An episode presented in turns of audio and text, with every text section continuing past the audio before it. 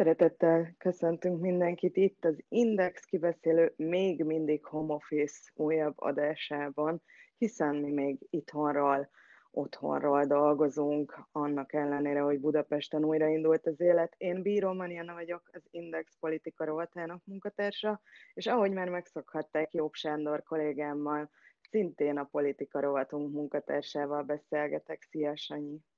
Szia Marian, és üdvözlöm a nézőinket. Igen, még, mi még nem tudjuk, hogy mennyi ideig fogunk így home office-ból beszélgetni. Gyorsan elmondom, hogy miről lesz szó a mai adásunkban.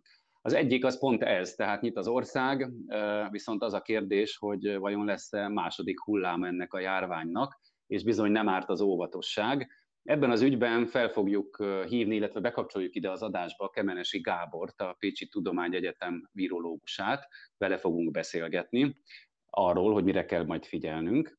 És Budapest újra nyit, a kormány pedig azt tervezi, hogy a veszélyhelyzetet, illetve a különleges jogrendet meg fogja szüntetni, vagy visszavonja.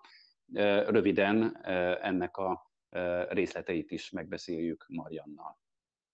Bizony, bizony, és ezek mind az elmúlt napok eseményeinek nyomon követése, folytatása, de azért napi aktualitásokból is mindig hát bővelkedünk, ha fogalmazhatok így. Na de mai témáinkhoz mindenképpen kapcsolódik az, ami szombaton történt, hiszen Orbán Viktor szombaton jelentette be, hogy hétfőtől Budapesten is eltörlik, illetve visszavonják a kiárási korlátozást és számos szigorító rendelkezést. Nem tudom, Sanyi látta, de én, én ügyeltem, tehát végigkövettem ezt a bejelentést, és engem nagyon-nagyon megfogott Orbán Viktor videója, el is fogom mondani, hogy miért, de megkérem a Feriéket és Marcit adásrendezőinket, hogy nézzük ezt most meg egy picit, nézzünk. Már nem csak remény, vagy kívánság, vagy önbuzdítás, hanem tény is. A fertőzésen átesettek száma alacsony, és az új megbetegedések száma is kedvezően alakul. Ez azért sikerülhetett, mert az összes döntést időben meghoztuk, és azért, ezt külön szeretném aláhúzni, mert mindannyian vidékiek, budapestiek, egyedülállók, családosak, idősek és fiatalok egyaránt felelősség teljesen viselkedtünk. Köszönet érte. A mai szakmai háttér megbeszéléseken világossá vált, hogy a járvány erejét Budapesten is letörtük. Így Budapesten is áttérhetünk, igaz megfontoltan és óvatosan, de áttérhetünk a védekezés második szakaszára. Ezért a kiárási korlátozást feloldjuk, és a főváros mindig két hét késéssel követi majd a vidéket.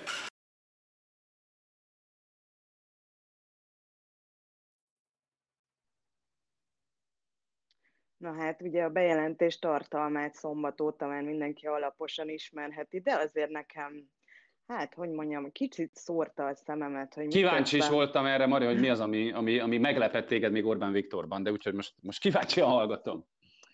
Tehát a kormányfő végig arról beszél, hogy felelősségteljes magatartásra van szükség, ugye itt Budapest újranyitásával kapcsolatban, és egyébként is országszerte ugye ezeket az egészségvédelmi intézkedéseket, szigorításokat, például a másfél méteres védőtávolságot, szociális távolságot, a maszkviselést és egyéb higiéniai szabályokat még mindig kötelezőnek tekint a kormány, eközben bemegy a kormányülésre, illetve azt megelőzően az orvos szakmai vezetőkkel való tárgyalására Orbán Viktor, és sorban lekezel mindenkivel, akin nincsen maszk, és hát gyakorlatilag persze távolabb ültek egymástól, mint azt megszokhattuk ebben a bizonyos tárgyalóban, ahonnan már sok-sok fotót látunk, de azért mintha nem lett volna meg az a másfél méter, tehát nem furcsa ez, Sanyi, hogy nem járnak az élen a példamutatásban? Azt hiszem, hogy már bemutattunk néhány ilyen videót így a járvány elmúlt két hónapja során is. Nekem egész másfajta üzenettel bírt például New York kormányzójának az egyik videója, amiben Andrew Cuomo tulajdonképpen a tévékamerák előtt teszteltette le magát. Erről is van egy videónk.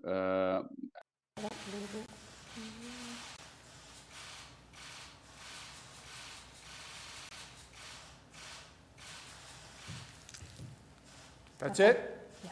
That's it? That's Nothing else? That's all.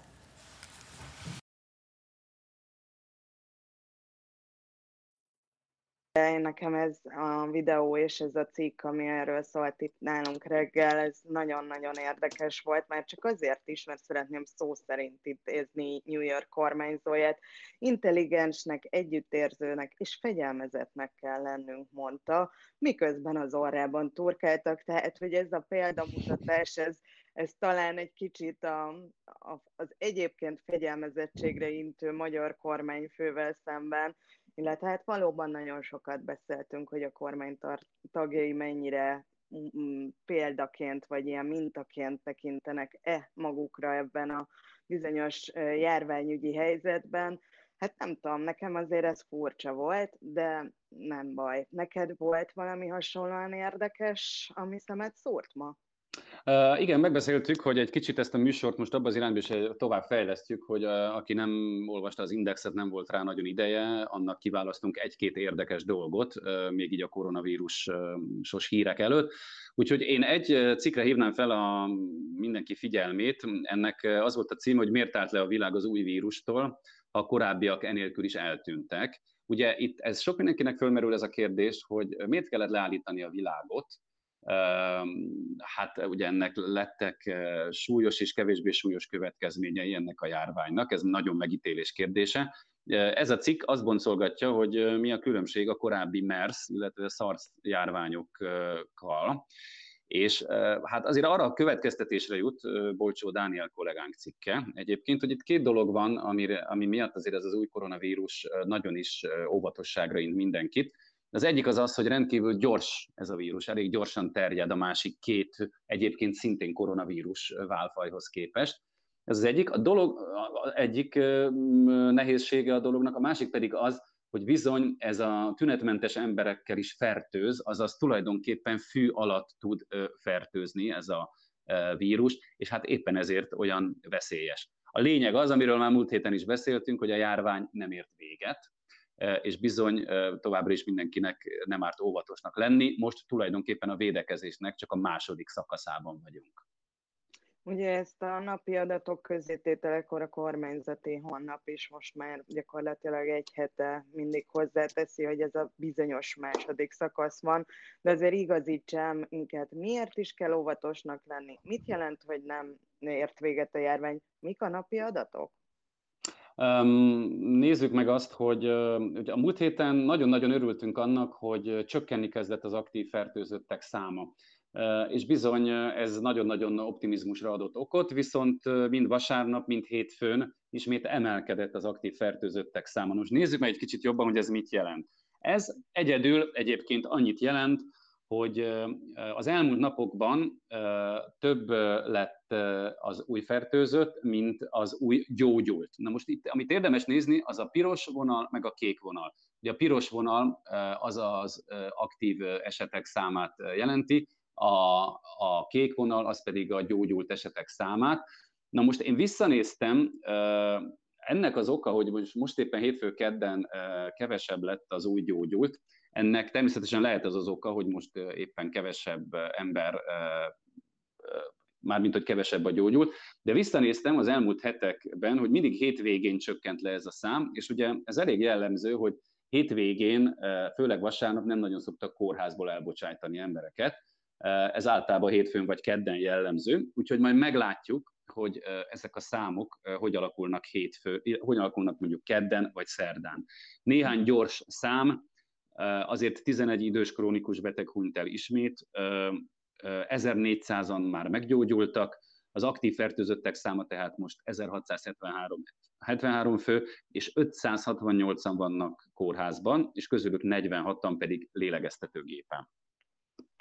Na de Sanyi, nem is tudom, hogy ezt hogy kellene értékelnünk, vagy értékelnünk kell ezt a, mert ugye Müller Cecília is azt szokta mondani, hogy egy-két napból nem lehet következtetést, járványügyi következtetést lemonni, viszont több olyan hírt láttam, amikor egy országban, ahol akár például újra nyitottak, vagy, vagy még csak nem is teljes nyitás után, de újra emelkedni kezdett a fertőzöttek száma. Bizony, jó néhány ilyen eset van, ezt is csak most ilyen nagyon vázlatosan és gyorsan mondom.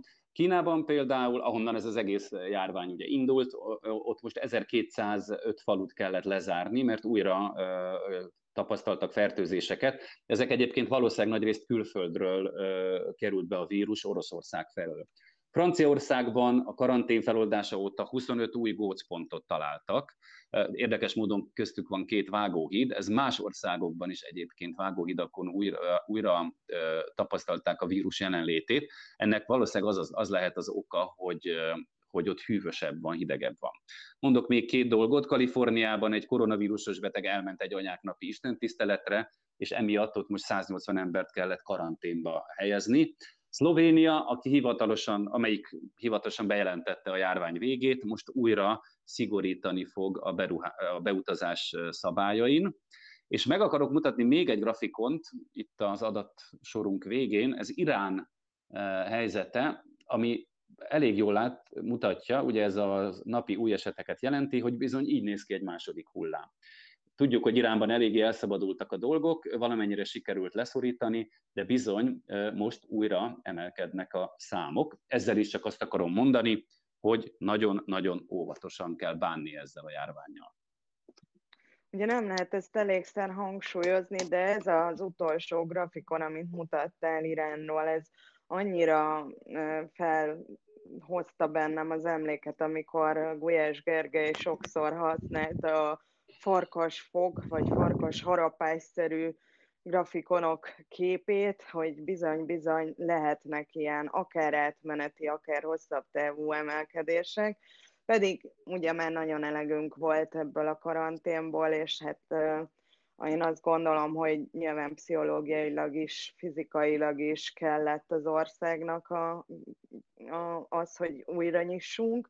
Viszont Lakatos Tibor rendőr ezredes, valamint Müller Cecília országos tisztifőorvos is gyakorlatilag szó szerint ismételve egymást különböző napokon, de arra figyelmeztetett, hogy bizony az egészségvédelmi szabályok további betartásától nagyban függ az, hogy egyáltalán lesz-e második járvány hullám, sőt, hogy az, miként találja el Magyarországot, lehet bizony, hogy sokkal súlyosabb lesz, mint az első. Mit szólsz ehhez?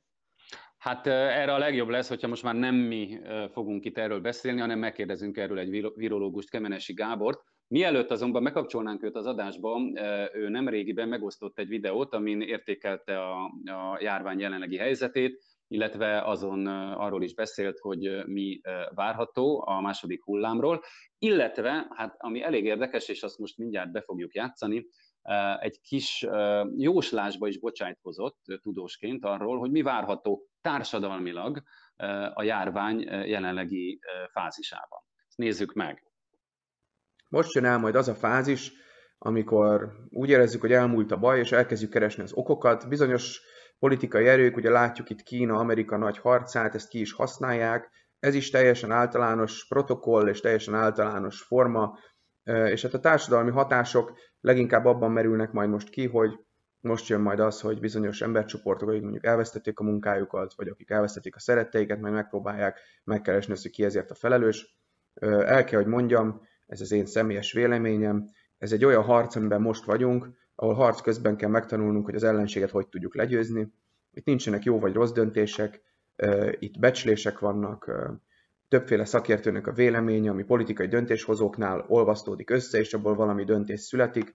Én azt gondolom, hogy a legfontosabb lenne most, és ez megint egy picit idealista megjegyzés, de a legfontosabb lenne 21. századi emberként viselkednünk, és felfognunk a komplexitását a dolgoknak, tudatában élni annak, tudatában lenni annak, hogy, hogy egy vírus van köztünk, egy új vírus, a tudomány számára új vírus, és ezzel meg kell küzdeni, és egyénileg talán úgy tudunk a legjobban küzdeni, hogyha nem az ostobaságnak hiszünk, meg nem a félelemnek hiszünk, hanem a tudásnak hiszünk,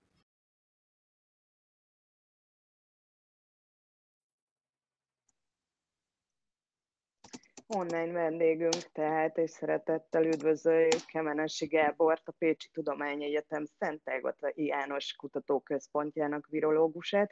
Én remélem, hogy hol minket lát, minket rendben. Jó napot kívánok! Jó napot, jó napot kívánok mindenkit! Nagyon-nagyon jó, üt... szépen, hogy nagyon jó ütemben. Ja, igen, igen, köszönjük szépen, nagyon ütemben csatlakozott be az adásba. Ugye itt az előbb egy előadásából idéztünk, ahol arról beszél tulajdonképpen, hogy hát a középkori példák is arra intenek, hogy minden ilyen járvány után egyrészt elkezdődik a felelősségkeresés, meg hát sokféle nézet hódít ilyenkor, de a legjobb az, hogy bízzunk a tudásban és a tudományban. Hadd tegyek fel most egy sokkal egyszerűbb kérdést ennél, hogy rendben van, hogy a tudásban bízunk most az elkövetkező hónapokban, de miben bízzon egy ember, egy hétköznapi ember, hogyan védekezzen, hogyan vigyázzon magára? Megint csak ismételném önmagam, sehogy máshogy, mint eddig. Tehát hétköznapi emberként most az, hogy a nem tudom hány száz hatóanyagból épp melyik az, ami ígéretes, teljesen mindegy, az vírusnak az alapvető tulajdonságaiban teljesen biztosak vagyunk. Egy légúton terjedő, cseppfertőzésre terjedő vírusról van szó. Ez ellen megvannak azok a fajta fegyvereink, amiket az influenzánál ismerünk, kézmosás, arcunk érintésre kerülés a szájmaszk, egyelőre ezek vannak, ezt kell használni. Ez nagyon, nagyon érdekes helyzet lesz például a maszkviselés a nyári melegben, és ebben kapcsolatban is szerintem nagyon sokakat érdekel engem biztosan, hogy a jó idő és a meleg idő például hogyan befolyásolja majd ezt a vírust, a járvány terjedését, akár egy második hullám esélyét, illetve hogy egyáltalán például most ez nagyon aktuális téma a gyerekekkel kapcsolatban, hogy ugye engedélyezte a kormány a napközis nyári táborokat, de vajon elmerjék engedni a szülők őket?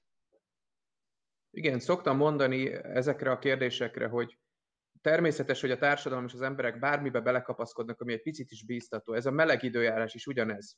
Ugyanakkor szakértőként, tudósként, és ez picit nem lett bevezetve a köztudatba, hogy a tudományos megalapozottság az itt a legfontosabb. Tehát én akkor fogok arról beszélni, hogy a meleg segít a víruson, hogyha erre olyan mérések lesznek, amik ezt egyértelműen mutatják. Egyelőre ellenmondásos tanulmányok vannak, és még hogyha ez így is lenne, akkor sem látjuk ennek a tényleges exakt hatását különféle földrészeken vizsgálva a járvány dinamikája nem mutat különbséget a hőmérséklet összefüggésében, ebben így bízni, hogy majd megment minket, felesleges. A gyermekek kérdése megint csak egy olyan dolog, hogy szakértőként sem mondanám azt, hogy ez vagy az jó döntés. Szakértőként azt tudom mondani, hogy nagyon sok kérdés nyitott.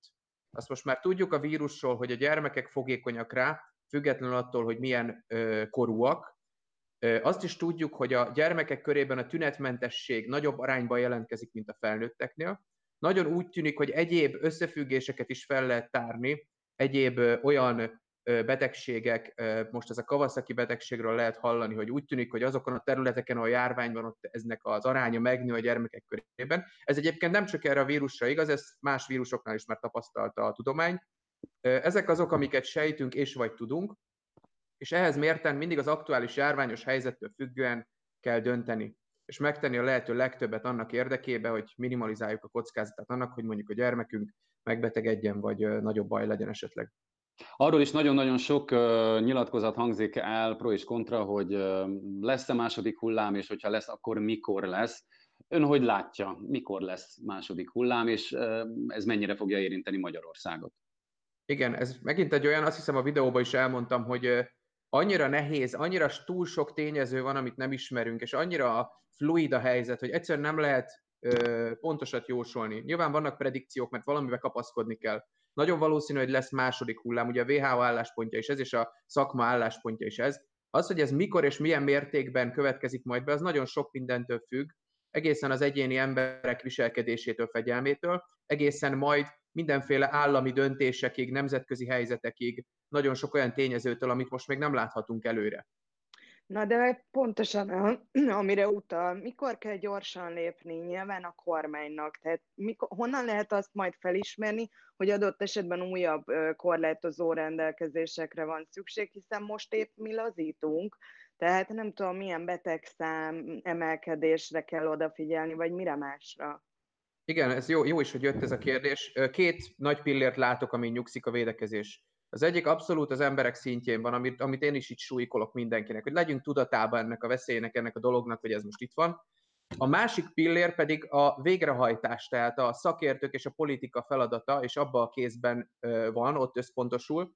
Ez pedig nem szól másról, mint időben felismerni, jó diagnosztikai kapacitást építeni, egészségügyi hátteret építeni. Az az idő, amit mi például most itt Közép-Kelet-Európában nyertünk a nyugathoz képest, az erre kiválóan alkalmas volt, hogy ez fölépüljön. És ez meg már szakmai kérdés, hogy ezt majd hogy használjuk, és miként. Ezért szoktam mondani, hogy egyéni szinten legyünk tudatában annak, amit elmondtam, ez az egyik pillér, és egyébként pedig közben figyeljük a környezetet, figyeljük a, azokat a folyamatokat, amik zajlanak, de erre vannak a, a közegészségügyi hatóságok és egyebek, amik ö, ezt kommunikálják, és nagyjából felvázolják a helyzetet. Abban megegyezhetünk, ugye, hogy ebben ez a fenyegetés és ez a harc, ez csak akkor ér véget, hogyha lesz vakcina, Elég sok kísérlet zajlik, szinte minden nap lehet hallani egyről, és mindegyik van bíztató. Mit, mit lát ezekből, mikor lesz vakcina? Ez megint olyan, amit fölösleges lenne bemondanom egy dátumot, mert butaság is lenne. Nagyon bíztató, hogy 12 vakcina van jelenleg klinikai fázisban, ilyen még nem volt. Az, hogy ebből egyik se jöjjön be, azt viszont biztosan mondom, hogy az szinte lehetetlen. A jövő év folyamán látom reálisnak azt, hogy legyártva a polcokon ott lesz valamelyik ezek közül. Tényleg lehet hallani részeredményeket, nagyon bíztatóak. Én tudósként, szakértőként értem ezeknek a folyamatait, abszolút meg vagyok elégedve ezzel, de nagyon sok mindenen múlik, hogy ez ténylegesen mikor kerül oda a polcokra. Ugye itt majd már, miután megvan a vakcina prototípus, illetve már az a vakcina, ami hatásos, utána azt le is kell gyártani, el is kell jutatni a szükséges helyre. Ez meg majd az akkori járványtól függ, hogy ez hogy fog zajlani abban már nem is kalandozni kell, hogy mire a társadalom eltoltottsága kialakul, és annak milyen feltételei vannak, az nagyon messzire vezetne. Nem akarjuk, hogy tovább jósoljon, viszont nagyon szépen köszönjük, mert rengeteg hasznos információt adott már így is. Én azt gondolom, főleg itt a nyár előtt, vagy a nyár kezdetén. Köszönjük szépen, hogy velünk volt, nagyon örülünk, hogy beszélhettünk, és reméljük, hogy személyesen folytathatjuk majd ezt a Kermelés stúdióban meglátva, értékelve az adatokat ott a nyitás után. Még egyszer nagyon szépen köszönjük Kemenesi Gábornak viszontlátásra. Köszönöm. Viszontlátásra. No, hát Marian, bizony, tehát azért ugye fura egy kicsit ez a helyzet, amiben most vagyunk, mert egyébként ez a mai nap az, amikor Budapest is kinyílt, kinyitott, a korlátozások nagy része megszűnt, mi pedig itt arról beszélünk, hogy na, mikor jön a következő hullám, de azt hiszem, hogy az előbb elhangzottakból azért látszik, hogy az óvatosság az nem árt, meg az nem árt, amit eddig mi megtanultunk erről a járványról, tehát ezt azért tudjuk most kamatoztatni. Én ma reggel autóztam, autóba kellett ülnöm viszonylag korán, és bizony el kell mondanom neked, hogy Budapesten most így a reggeli forgalom az úgy eléggé kezd emlékeztetni a járvány előtti időszak egyik hétfő reggelére. Mit gondolsz Én erről? Től, tartok tőle, Sanyi, hogy ez még durvább is lesz itt az első napokban, mert nyilván nagyon-nagyon szerettek volna már kiszabadulni az emberek, ráadásul ugye tudjuk, hogy itt a kormány döntését nem csak járványügyi adatok alapozhatnánk meg, hanem ugye a gazdasági életnek is szüksége van erre az újranyitásra, főként Budapesten, ami ugye a termelőképesség jelentős részét adja az országban, de hát én nem tudom, még én nem, nem voltam az utcán ma, nem tudom, hogy például mit jelent ez a teraszoknak a megnyitásával, üzletek újranyitásával, milyen mondjuk úgy gyalogos forgalmat. Például az autósról ugye már lehetett akár a karantén ideje alatt is rémhíreket hallani.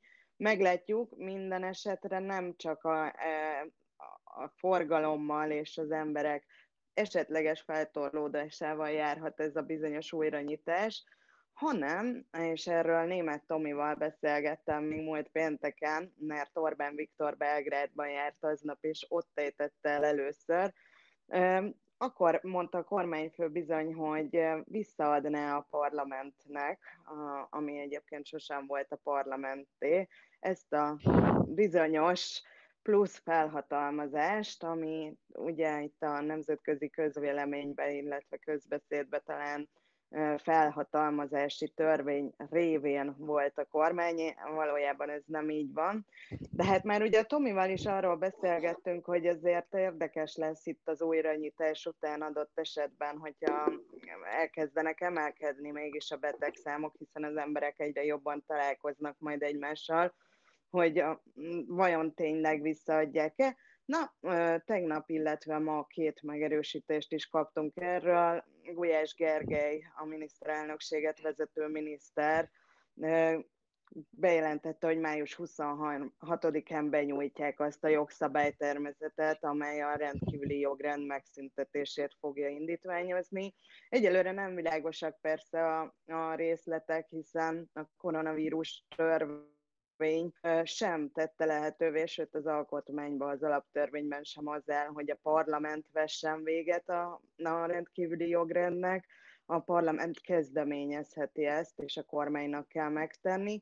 Ugyanakkor simán lehet, hogy itt a koronavírus törvény bizonyos rendelkezéseit, illetve azokat a rendeleteket, amit a veszélyhelyzet ideje alatt hozott a kormány, bizony hatályon kívül helyezik, erre utalhat sok minden, például Varga Judit posztja, amely szintén megerősítette azt, hogy júni, júniustól vége lehet ennek a rendkívüli jogrendnek. Na hát Varga Judit posztját azt itt látják, azt elolvasni nem tudják, de ebből majd föl fogok mindjárt olvasni egy részletet. Szóval én azt látom, hogy a kormány az már most röhög a markában tulajdonképpen, mert ugye itt nagyon sokan aggódtak, én azt gondolom, hogy egyébként a demokráciáért joggal lehet mindig is aggódni, amikor ugye a kormány ezt a bizonyos felhatalmazást kérte és megkapta a saját többségétől, és most pedig a sok-sok nemzetközi és hazai bírálat után jön az, hogy természetesen vissza fogják adni.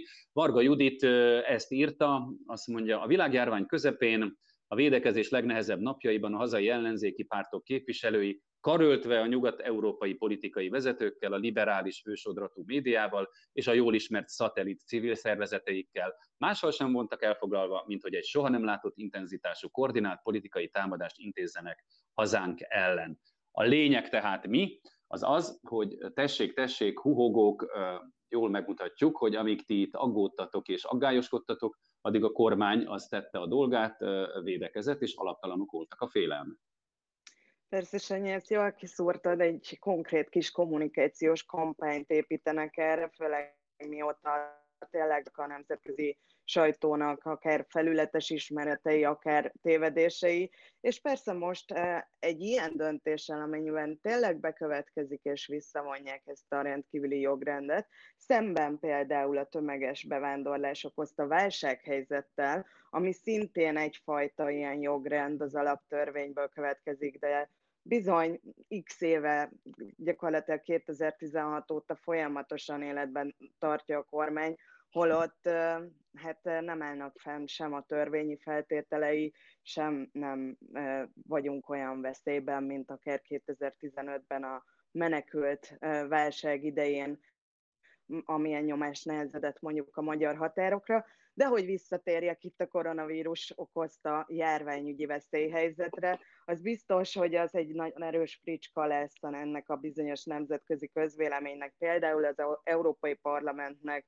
amely ugye éppen múlt héten tárgyalt eh, erről a bizonyos koronavírus törvényről, hogyha visszaadja Orbán Viktor egy látványos gesztussal ezt az úgynevezett túlhatalmat. Nem akarlak meghökkenteni, Sanyi, én ö, valójában úgy gondolom, hogy Orbán Viktor semmiféle plusz hatalmat nem, vagy felhatalmazást nem kapott ezzel, hiszen kétharmados parlamenti többség birtokában kormányoz nagyon sok éve, legalábbis az elmúlt tíz év nagy részében ennyie volt, és most is ö, biztosítja ezt a fidesz KDNP számára, és ráadásul azért emlékeztetnék arra csak egy fél hogy Orbán Viktor, amikor az ellenzék egyetlen egy feltételt kötött a koronavírus törvény megszavazásához, azt, hogy legyen benne egy észszerű határidő, ők három hónapot mondtak, de hát arra a kérdésre se kaptunk választ, mi itt az Indexnél nagyon sokszor megkérdeztük, hogy mi lenne, ha fél év lenne, mi lenne, ha év végéig szólna.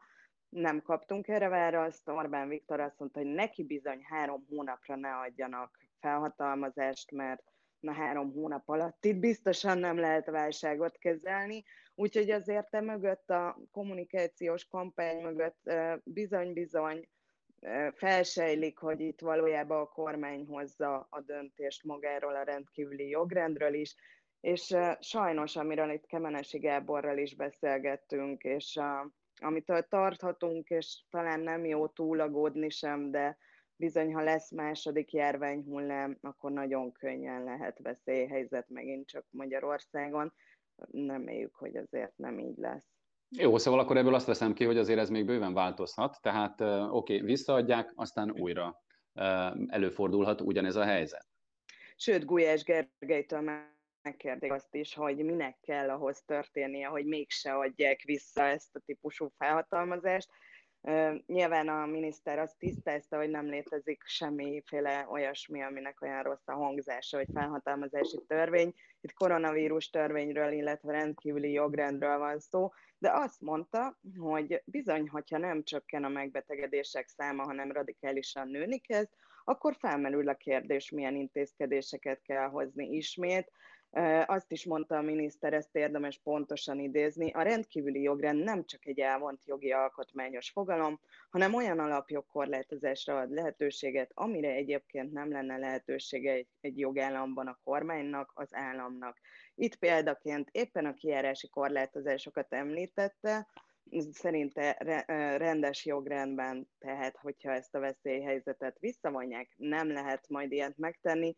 Ugye nem kételkedhetünk abban, hogy a, a kormány, amint akár úgy érzi, hogy tényleg veszélyes ütemben nőni kezd a megbetegedések száma, ismét korlátozni fogja a kijárást, illetve más szabályokat is bevezetne, de természetesen bízunk a legjobbakban, és ha már bízunk, és bizalom és remények, Sanyi, zárásul ma is, hát mondj nekünk valami jót, egy valami pozitív hírt. Emlékszem, Marian, hogy azért hányszor beszélgettünk mi ebben a műsorban Olaszország rendkívül nehéz helyzetéről, hogy ott mennyire tombolt ez a járvány, mennyire voltak tele a kórházak, bizony a folyosón voltak a betegek, és így tovább.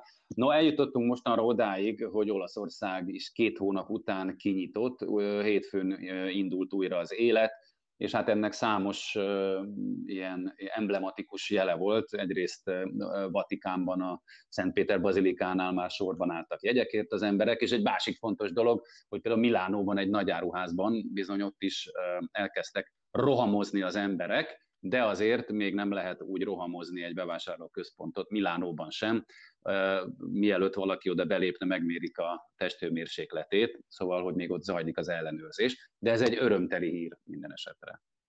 Ahogy az is, hogy egyébként az olasz kormány már bejelentette, hogy június 3-ától újra nyitják a határokat az EU állampolgárai előtt, ami, ami hát nyilván nem csak az odavágyó magyaroknak fontos, hanem nagyon sokaknak akár családi okokból, de ha jól tudom, akkor Olaszországon belül is akkor elvissza az, hogy bárhova lehet utazni, tehát látszik, hogy azért lassan-lassan ki lehet lábalni, és ez tényleg egy méltó pozitív befejezése a mai műsornak, mert hogy nem nagyon maradt más hátra, mint hogy megköszönjük a mai fiat is. Én nagyon szépen köszönöm Sanyi, hogy beszélgettél velem, remélem, hogy lesz még erre módunk így online is, aztán pedig személyesen.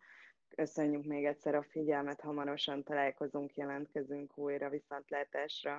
Én pedig most nagy bajban vagyok, mert úgy szoktam elköszönni, hogy maradjanak otthon, és maradjanak az indexel. Hát azt most már nem javasolhatom, hogy maradjanak otthon, de maradjanak az indexel. Ez a műsor folytatódik, így vagy úgy, home office-ból, vagy stúdióból, de még találkozunk. Viszont látásra. Viszont látásra.